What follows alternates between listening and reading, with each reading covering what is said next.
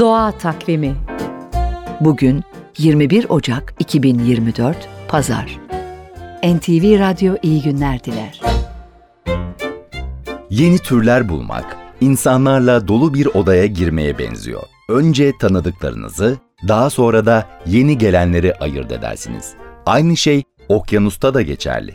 Mesela yeni bir deniz sümüklü böceği arıyorsanız okyanusun dibindeki kuma bakacaksınız.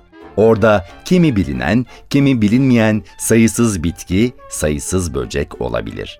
Kaliforniya Bilimler Akademisi'nden uzmanlar her yıl Avustralya mercan resiflerinden Karayip bulut ormanlarına ve Kaliforniya çöllerine kadar dünyanın biyolojik çeşitliliği hakkındaki bilgimizi genişleten araştırmalara, keşiflere imza atıyor. Geçen yıl yapılan araştırmalar sırasında daha önceden keşfedilmiş çiçekli bir bitkiyle ilgili 150 yıllık yanlış bir bilgi düzeltildi.